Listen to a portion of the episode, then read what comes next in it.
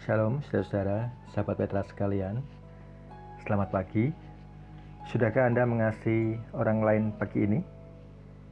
Saudara-saudara, kita berjumpa lagi bersama sama untuk membuka hari yaitu dengan sabda Tuhan. Dan dalam embun pagi hari ini Senin 19 Juli 2021 bersama saya Joko Prastio Adiwibowo dari GKJ Temaijo PPK UKDW akan merenungkan tema tentang iman dan perbuatan didasarkan dari kesaksian kitab Yakobus pasalnya yang kedua ayatnya yang ke-14. Oleh karena itu marilah kita sebelum melanjutkan pembacaan kita dan merenungkannya kita bersama-sama merendahkan hati kita di hadapan Tuhan dan kita berdoa memohon pertolongannya. Mari kita berdoa. Bapa kami surgawi, terima kasih untuk penyertaan-Mu. Terima kasih untuk pagi ini Engkau membangunkan kami dan Engkau memberikan kesehatan, Engkau memberikan janji pemulihan, dan Engkau memberikan juga harapan bahwa hari ini melalui penyertaan Tuhan kami tidak pernah sendirian dan bahkan kami dapat melakukan banyak hal yang bermanfaat berguna bagi kehidupan, bagi kami dan sesama kami. Oleh karena itu ya Tuhan, ajarlah kami untuk tetap bersemangat. Apa pun yang kami alami saat ini tidak akan mengganggu kami dalam kami beriman kepadamu. Kami akan tetap bersemangat dan menyadari bahwa penyertaan Tuhan nyata. Oleh karena itu ya Tuhan, ajarlah kami untuk melakukan kehendak-Mu. Apa yang kami dengar sebentar lagi, biarlah itu juga menjadi bagian dari perenungan kami untuk membangun diri kami dan semakin beriman tetapi juga semakin membuahkan hasil-hasil perbuatan nyata. Ya Tuhan berkatilah untuk perenungan kami selanjutnya agar Roh Kudusmu sendirilah yang memberikan pengertian-pengertian baru kepada kami. Terima kasih Tuhan di dalam nama Yesus Kristus kami berdoa. Amin. Saudara-saudara, saya akan membacakan dari Yakobus pasal yang kedua ayatnya yang ke-14. Demikian kesaksian firman Tuhan.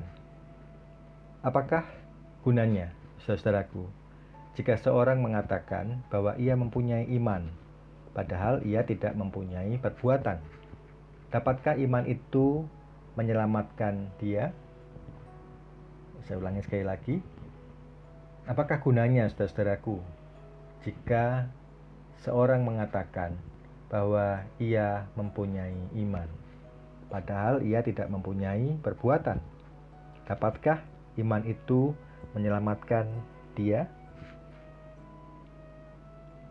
Berbagilah saudara-saudara kita semua yang mendengarkan kesaksian firman Tuhan dan berniat sungguh-sungguh ingin melakukannya dalam kehidupannya sehari-hari. Tuhan memberkati kita semua. Amin. Saudara-saudara dikasih oleh Tuhan Yesus Kristus, apa kabar? Bagaimana dengan harapan Anda di pagi ini? Kita masih berpegang kepada harapan di dalam Tuhan. Dan kita yakin bahwa kalau kita berpegang di hadapan Tuhan tentang iman, tentang harapan, tentang apa pun yang Tuhan janjikan, maka kita yakin Tuhan juga tidak akan meninggalkan kita Tuhan juga akan menolong kita dalam setiap kesesakan apa pun. Sesuai dikasih Tuhan Yesus, saya juga mengamini hal itu. Bahwa janji Tuhan adalah janji damai dan sejahtera. Kita tidak bisa tahu apa yang menjadi rancangan Tuhan, tetapi kita percaya janji Tuhan adalah janji damai dan sejahtera. Nah, secara terkait dengan iman dan harapan dan keselamatan dengan perbuatan dalam tema yang kita bahas pada pagi hari ini, saya ingat akan pengalaman saya ketika saya bertetangga bertetangga apa kamar ya eh, dengan teman yang dari Beijing. Jadi waktu itu kami tinggal di flat yang sama ya eh, satu lantai begitu tetapi bersebelahan dengan teman yang dari eh, Beijing Nah, suatu ketika uh, komputer saya rusak. Saya tidak tahu harus uh, ke mana karena itu tempat yang asing bagi saya. kemudian uh, dan juga mahal pastinya uh, tapi kemudian saya uh, bertanya ya dengan seorang teman yang lain Vietnam dan teman Vietnam itu bilang itu sebelahmu dia jago komputer dia ngambil S2 nya komputer. Pasti kalau ada masalah dengan komputermu dia bisa setting lagi dia bisa upayakan lagi lah. Tapi saya ragu-ragu karena memang dia sangat sibuk. Saya pasti mengganggu waktu dia. Tapi setelah uh, dicari waktu yang tepat dan setelah dibicarakan dengan dia akhirnya dia pun mau menolong saya dan dia masuk ke kamar saya dan melihat bagaimana Joko? Lihat apa yang sedang jadi masalah dengan komputermu. Nah akhirnya eh, kami ngobrol sambil dia menyelesaikan apa hal-hal yang perlu dia cek ya di komputer saya supaya semuanya menjadi baik. Nah dalam percakapan itu eh, ya setelah ngobrol tentang Indonesia tentang apa uh, situasi di Beijing bagaimana kemudian dia mengatakan bahwa orang-orang di sana ya kami tidak tidak percaya kepada agama seperti yang kalian uh, percayai di negara-negara yang mengklaim uh, apa uh, beragama ya dia mengatakan ya bukannya kami tidak percaya pada Eh, sesuatu yang yang besar yang ada di balik kehidupan. Kami percaya itu, tetapi kami tidak mau menyebutnya sebagai apa dan kami tidak tidak terlalu peduli dalam pengertian harus bagaimana begitu. Tetapi kami percaya bahwa hidup ini harus dilakukan dengan sangat sangat apa tanggung jawab. Dan untuk itulah saya belajar di sini. Saya ingin uh, menjadi orang yang uh, memiliki kompetensi dan kualitas bagus dalam bidang saya. Kemudian nanti saya bisa membuat supaya hidup ini menjadi lebih baik. Kalau ada masalah kita selesaikan. Nah, kalau semua orang melakukan hal yang sama, dokter juga menemukan obat menyembuhkan pasien ya eh, dengan penelitian-penelitiannya bersama dengan tim medis yang lain ya eh, menganalisis situasi yang terjadi di masyarakat kesehatannya seperti apa temuan-temuannya Begitu juga dengan yang lain, uh, yang teknik juga melakukan itu, yang militer juga melakukan itu dengan sebaik-baiknya, ekonomi juga sebaik-baiknya, biologi juga sebaik-baiknya, maka percayalah bahwa dunia ini akan menjadi lebih baik. Dunia ini akan menjadi lebih baik dan lebih nyaman ditinggali, lebih sejahtera untuk semua manusia dan bahkan manusia bisa sejahtera dan umurnya juga bisa panjang. Kalau kemudian segala sesuatu itu di di apa diperhatikan kesehatan diperhatikan. Oleh karena itu saya belajar dan kalau saya nanti selesai lulus di sini saya akan bekerja. Dan bekerja untuk apa? Untuk bangsa dan untuk negara saya untuk masyarakat saya supaya semuanya menjadi lebih baik. Saya hanya mendengar saudara hanya mendengar dan saya begitu luar biasa menyadari dia ini mengklaim dirinya tidak beragama Bahkan dia memiliki banyak catatan kritis terhadap agama. Tetapi dia memiliki tanggung jawab, panggilan tanggung jawab yang sangat besar terhadap kehidupan. Dia tidak mengandalkan bagaimana dia harus bersikap tertentu dengan kesalehan ukuran-ukuran kesalehan atau iman tertentu. Tapi dia menunjukkan bahwa aku hidup, ini sebuah kesempatan yang luar biasa dan aku harus berbuat baik untuk masyarakat, untuk bangsa, dan untuk negara. Dia tidak beragama, tapi dia memiliki panggilan nasionalis, panggilan bagi kemanusiaan yang sangat luar biasa. Dan dia ingin agar manusia menjadi lebih baik, agar kehidupan menjadi lebih sejahtera, agar semua yang terjadi kesulitan saat ini itu dapat diatasi dan menjadi kebaikan pada akhirnya. Saudara-saudara dikasih oleh Tuhan Yesus Kristus, melalui cerita tadi saya langsung saja ingin berefleksi dengan apa yang kita baca saat ini. Dapatkah iman itu menyelamatkan? Kalau kita mengatakan bahwa kita punya iman tetapi tidak punya perbuatan. Yakobus nampaknya ingin menghadapi orang-orang yang menganggap bahwa beriman saja semua beres. Dia tidak mau mendikotomikan atau mengkonfrontasikan antara iman dan perbuatan. Penulis Yakobus, tetapi penulis ingin menunjukkan bahwa iman saja itu tidaklah cukup. Iman saja bukanlah hal yang bisa kita anggap sebagai penyelesaian bagi semuanya.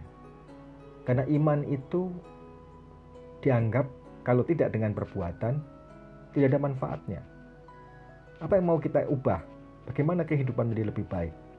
Kalau iman itu tidak memiliki efek pengaruh nyata melalui perubahan dengan perbuatan-perbuatan yang baik. Ini adalah sebuah pertanyaan kritis sekaligus tonjokkan iman kita. Apakah iman kita ini bermanfaat bagi kehidupan? Apakah imanmu menyelamatkan engkau atau imanmu hanya menghiburmu dari ketakutanmu terhadap kehidupan? Jangan-jangan imanmu hanya pelarianmu, pelarian kita karena kita ngeri terhadap hari-hari yang kita jalani dan kita merasa gagal gak bisa berbuat apa-apa. Akhirnya kita hanya lari dengan mengatakan Tuhan akan berbuat bagi saya. Tuhan akan menolong saya. Tapi apa yang kamu kerjakan? Nothing. Tidak ada. Bukankah ini masalah menurut penulis Yakobus? Ya, saudara, pastilah itu masalah apa yang dikatakan oleh Yakobus itu merupakan seperti tonjokan bagi kita yang menyadarkan kita semua. Hati-hati ketika kamu mengatakan kamu beriman. Apakah imanmu sudah mendatangkan manfaat bagi kehidupan? Tujuan orang beriman bukanlah untuk masuk surga. Masuk surga itu pemberian.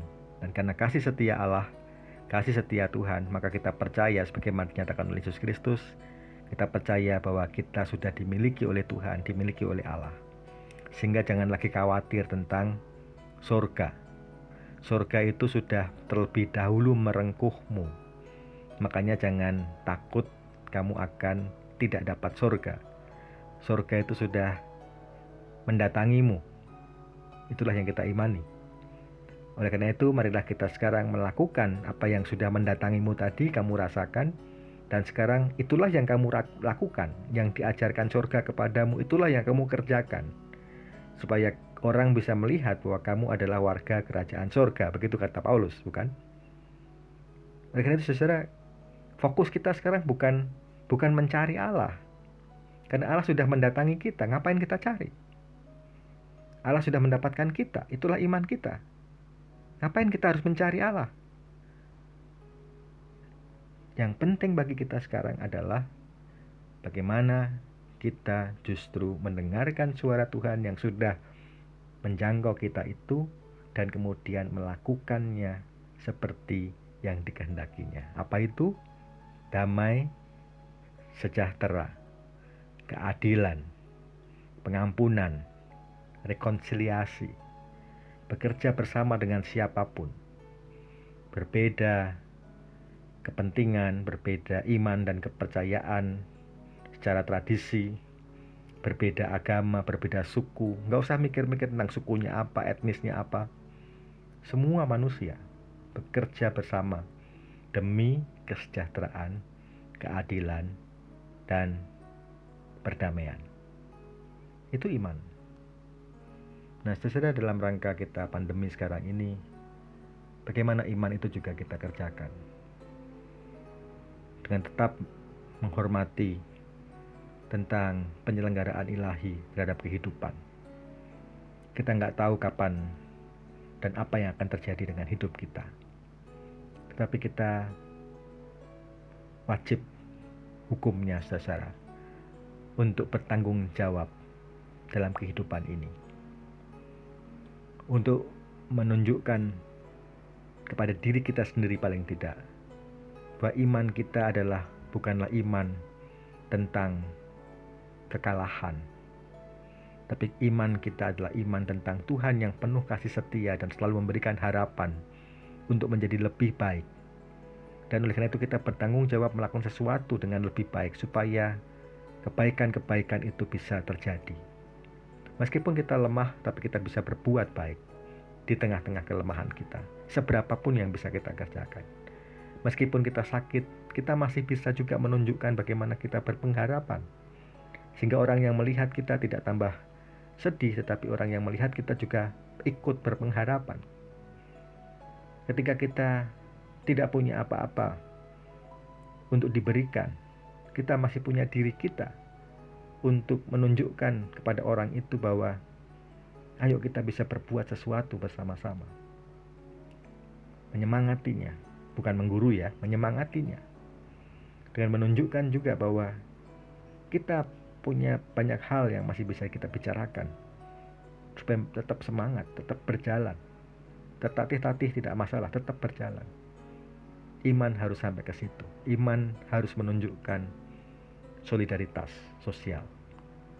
Beriman tanpa wujud sosial. Menurut Yakobus jelas itu kosong. Iman tanpa perbuatan adalah mati. Bahkan di dalam ayatnya yang sebelumnya dikatakan bahwa iblis atau setan, ya, tulisan di sini diterjemahkan dengan setan-setan pun ayat 19 juga percaya kepada Allah yang satu, Allah yang esa, dan bahkan mereka gemetar melihat Allah yang esa itu. Artinya apa?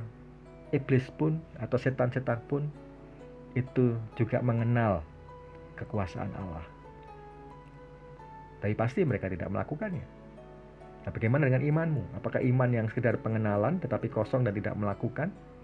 Atau justru ketika kamu punya iman, kamu, kita, saudara-saudara dan saya, itu kemudian memiliki komitmen untuk melakukan sesuatu yang baik. Kita tahu sedang terpuruk, tapi kita ingin sesuatu yang lebih baik, bertanggung jawab. Itu bagian dari kita, bukan menunggu orang, bukan menunggu pemerintah, bukan menunggu siapa pun, tapi itu bagian dari kita. Apa yang bisa terbaik yang bisa kita kerjakan, kita kerjakan, khususnya di dalam masa pandemi. Apa sih susahnya untuk menutup gereja dan kemudian kita membatasi diri dengan aktivitas-aktivitas kita supaya semua orang itu dapat konsentrasi dengan kesehatannya tidak menularkan, tidak menjadi OTG yang berjalan-jalan supaya masing-masing punya konsolidasi ke dalam. Kalaupun ibadah bisa saja ibadah itu kita selesaikan dengan atau kita jalani dengan sharing file kemudian kita kompilasikan digabung tanpa kita harus bertemu dekat. Kalaupun memang akan dilakukan karena keterbatasan alat harus dilakukan di gereja bersama-sama kita batasi orangnya kita batasi juga uh, durasinya jaraknya kita ukur. Bukankah itu juga bagian dari tanggung jawab? Dan itu bagian dari iman. Ini tidak melawan iman Jangan dikonfrontasi, mosok kita mau beribadah saja ke gereja saja dilarang. Tidak, tidak ada yang melarang kita ke gereja. Tetapi kita mengambil keputusan untuk menghargai, mendukung pemerintah yang melakukan PPKM supaya tidak terjadi penularan. Dan kita bisa melakukan solidaritas dalam bentuk yang lain. Kita bisa mengumpulkan donasi karena gereja tutup, tidak ada uh, apa pengeluaran seperti kalau uh, aktif program-programnya berubah uang yang masuk kita kumpulkan kita gunakan untuk donasi untuk teman-teman kita yang isoman terutama untuk mereka yang sendirian tidak punya keluarga bahkan terbatas pemasukannya. Untuk mereka yang di PHK bisakah kita juga memberikan bantuan apa pun yang bisa dilakukan dan untuk mereka yang sakit bisakah kita paling tidak tidak hanya memberikan makanan tetapi juga memberikan advice uh, kita menelepon secara uh, sering bertanya apa kabarnya kalau ada hal-hal yang mencurigakan kita mengkoordinir diri untuk uh, apa menolong yang perlu dilakukan supaya ketika mereka isoman mereka tidak ditinggalkan sendirian. Bukankah itu juga bagian dari iman saat ini, saudara-saudara? Bukanlah menjaga jarak, ikut vaksin, menjaga kebersihan, cuci tangan, itu juga bagian dari iman yang mensejahterakan di masa-masa ini. Tapi kita tidak hanya terfokus pada COVID sebetulnya, karena permasalahan hidup itu juga banyak. Sakit itu tidak hanya COVID, masih ada demam berdarah, masih ada hepatitis, masih ada diare yang lain, masih ada penyakit-penyakit degeneratif lainnya, masih ada penyakit kanker juga. Bukankah solidaritas kita perlu untuk ini? Bisakah kita mengurangi hal-hal yang sifatnya uh, wah dan normal menjadi sesuatu yang kita wujudkan dalam bentuk yang lebih kelihatan solidaritas dalam konteks kita sekarang. Pasti bisa. Karena iman mengajar kita untuk begitu. Dan itu adalah iman. Iman adalah untuk sejahtera. Nah oleh karena itu saudara-saudara marilah kita tidak usah berkeluh kesah tentang bagaimana pemerintah, bagaimana Tuhan kok tidak menjawab doa, bagaimana kita kok semakin lama semakin susah. Semua orang saat ini susah. Dan kalau kita bisa mengubah perspektif iman kita, tidak hanya meminta dan mengharap, nyenyuwun, dan tidak hanya menunggu, tidak hanya mendongak ke surga, tapi melihat di sekitar kita apa yang bisa kita kerjakan hari ini, semangat apa yang saya dapatkan dari iman, sehingga saya berbuat sesuatu untuk menyelesaikan masalah saya, paling tidak sekitar saya. Paling tidak saya bisa membersihkan rumah ini, tidak hanya sekedar tidur, tapi saya bisa membersihkan. Paling tidak saya bisa berbagi senyuman untuk orang-orang yang membantu saya di sekitar saya kalau saya tidak kuat lagi untuk berjalan. Itu adalah iman.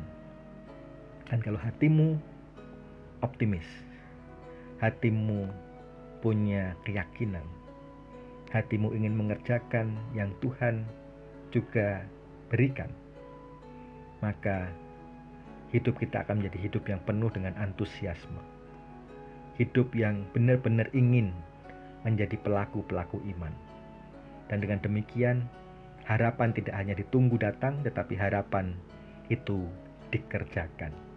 Dan dengan demikian imanmu itu menuntunmu untuk berjalan, menuntunmu untuk menghidupi harapan. Dan di situlah justru Tuhan menyempurnakan perbuatan-perbuatan. Imanmu disempurnakan oleh perbuatanmu dan perbuatanmu disempurnakan oleh iman dan oleh berkat-berkat Tuhan yang tidak kita ketahui. Bagaimana Tuhan menjawab doa-doa kita? Tapi terasakan bahwa efeknya nyata. Saudara-saudara, saya juga punya ketakutan. Saya yakin saudara-saudara juga punya ketakutan. Kita punya kekhawatiran. Saudara juga punya kekhawatiran, sama seperti saya. Tapi apa, apakah kekhawatiran itu akan membantu kita? Kita hanya akan menunggu Tuhan menjawab doa kita? Atau kita bisa berbuat sesuatu? Sekecil apa pun bisa kita kerjakan. Marilah kita bangkit. Lakukan yang baik. Seberapapun yang bisa kita lakukan. Dan Tuhan akan menuntun kita pada mujizat-mujizat yang luar biasa. Peganglah itu saudara-saudara. Berimanlah dengan berbuat, dan berbuatlah dengan tetap beriman. Tuhan berkati saudara. Amin.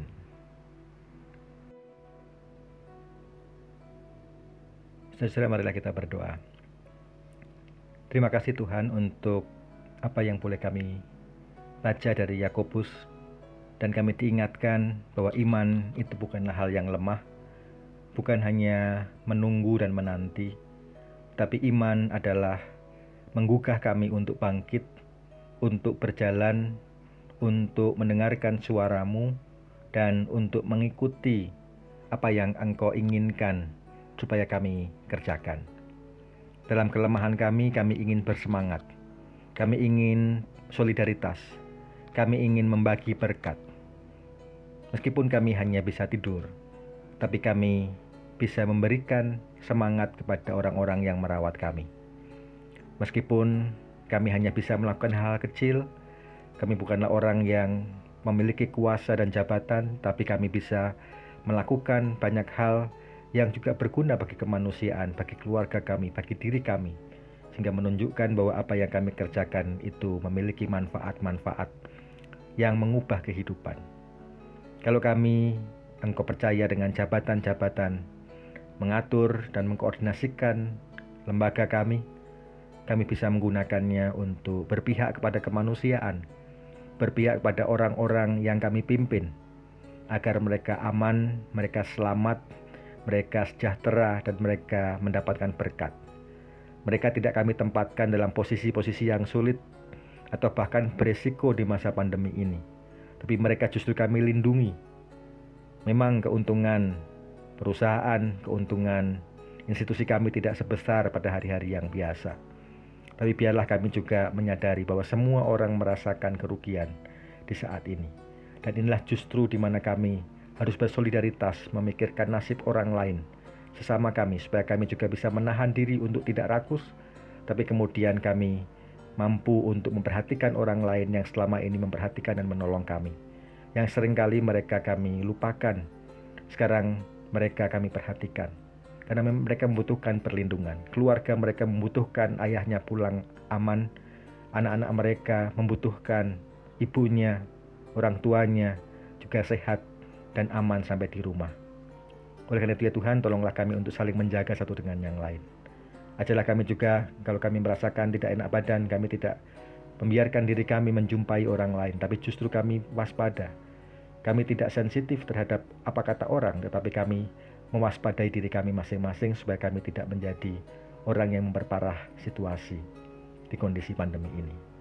Ya Tuhan, kami ingin menunjukkan iman kami secara bertanggung jawab. Kalau saat ini kami sakit, kalau saat ini kami sehat, kami akan melakukan apa pun yang terbaik yang bisa kami kerjakan. Karena bukankah iman kami mengajak kami untuk bangkit, untuk selalu optimis, untuk selalu berjuang dan memiliki kemauan bangkit bersama dengan Kristus yang sudah menunjukkan keteladanannya menjadi orang-orang yang mengikuti kasih setia Tuhan bahkan setia sampai akhirnya. Ampunilah kami akan segala dosa dan kesalahan kami ya Tuhan. Berkatilah para pendengar dan berkatilah mereka dengan harapan, dengan kuasa, dengan kemampuan sehingga sepanjang hari ini mereka bisa berbuat baik untuk sesamanya, untuk dirinya dan dengan demikian bagi kemuliaan nama Tuhan. Terima kasih Bapa, di dalam nama Yesus Kristus kami berdoa. Amin. Demikian sahabat Petra yang terkasih dalam Kristus, Abun pagi hari ini, Senin 19 Juli 2021. Kiranya sabda Tuhan memberikan hikmat, kekuatan, dan penghiburan bagi kita untuk melewati sepanjang hari ini. Saya, Pendeta Joko Prastio dari GKJ Dema Ijo, PPK UKDW, mohon diri dan mohon maaf bila ada kata yang kurang berkenan. Sahabat Petra, selamat mengasihi orang lain hari ini. Tuhan Yesus memberkati.